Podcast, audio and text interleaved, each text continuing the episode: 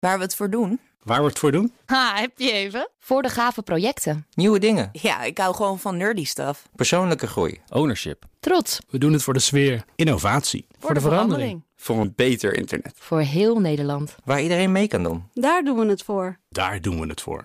Waar doe jij het voor? Kom werken voor KPN en groei op jouw manier. Check de actuele vacatures op het gebied van data, security, development en networking op jobs.kpn.com/tech. Wetenschap vandaag. Een kettingreactie geleid door onze darmcellen. Daarvoor waarschuwt eh, de rest van het lichaam als er een kwaadwillige parasiet is binnengedrongen. Carlijn Meinders die vertelt er meer over. Om een infectie te kunnen bevechten, moet ons lichaam natuurlijk eerst weten dat er überhaupt iets aan de hand is. Daarna moet het geïnfecteerde gedeelte de juiste signalen sturen naar de rest van het lichaam. Help mij om dit op te lossen. En hoe meer we weten van dit proces, zeker van dit beginnetje, hoe beter we ziektes te lijf kunnen gaan. En dat was precies het doel van dit onderzoek van de University of Pennsylvania School of Veterinary Medicine. Meer leren over wat er nou precies gebeurt als zo'n parasiet binnendringt. Waar ga je dan uh, als onderzoeker precies naar kijken? Eigenlijk ga je dan op zoek naar het eerste signaal voor gevaar, zeg maar. Ze hebben in dit geval de parasiet cryptosporidiose gebruikt. Ah ja. uh, je kent hem wel. Tuurlijk, een grote bekende van me. een eencellige parasiet, vooral te vinden in landbouwdieren en mensen.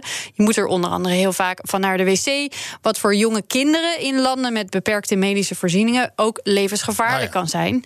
En de eitjes van deze parasiet die zijn ook nog eens heel erg resistent tegen ontsmettingsmiddelen en dat soort dingen. Dus een goede parasiet om beter te bestuderen. Ja. En, en waar zagen ze die eerste reactie dan precies? Want daar gaat het om. Ja, ja je zou waarschijnlijk denken dat moet een immuuncel zijn geweest ja. die dit als eerste ziet. Dat zijn uh, immers de cellen die in dat lichaam dat moeten doen. Dat is hun baan. Maar dat zagen ze niet.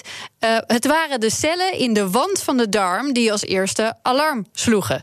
Dit zijn cellen die eigenlijk iets heel anders doen, namelijk voedingsstoffen opnemen. Maar in deze situatie, op de plek waar deze parasiet graag zit, zetten ze dus ook het alarmsysteem. Oké, okay. en hoe werkt zo'n alarmsysteem in je lichaam dan precies? Ja, je zou het alarmsysteem dat het inflammasoom heet, een beetje kunnen zien als een alarmsysteem in een huis. Het houdt de deur in de gaten, er zijn sensoren en als er iets misgaat, dan worden de hulpdiensten gewaarschuwd. En je vindt dit systeem niet alleen in het gehele lichaam, maar ook in de cellen zelf.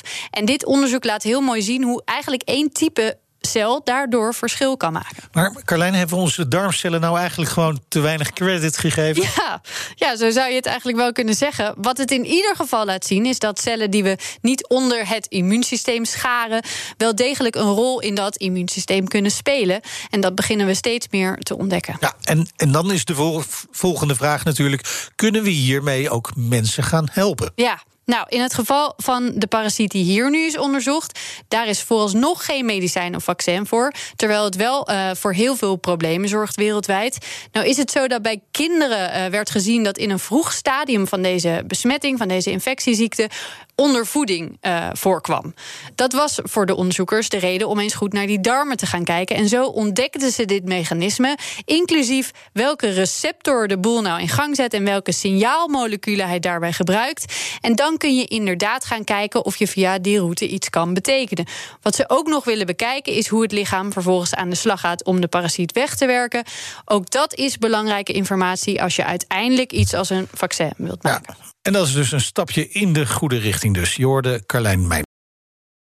Ook Liesbeth Staats vind je in de BNR-app. Ja, heel handig. Luister live naar Kees en mij tijdens de Daily Move. Dan blijf je ook gelijk op de hoogte van breaking news en het laatste zakelijke nieuws. En daar vind je ook alle BNR-podcasts, waaronder de Perestrooikast. Download nu de gratis BNR-app en blijf scherp.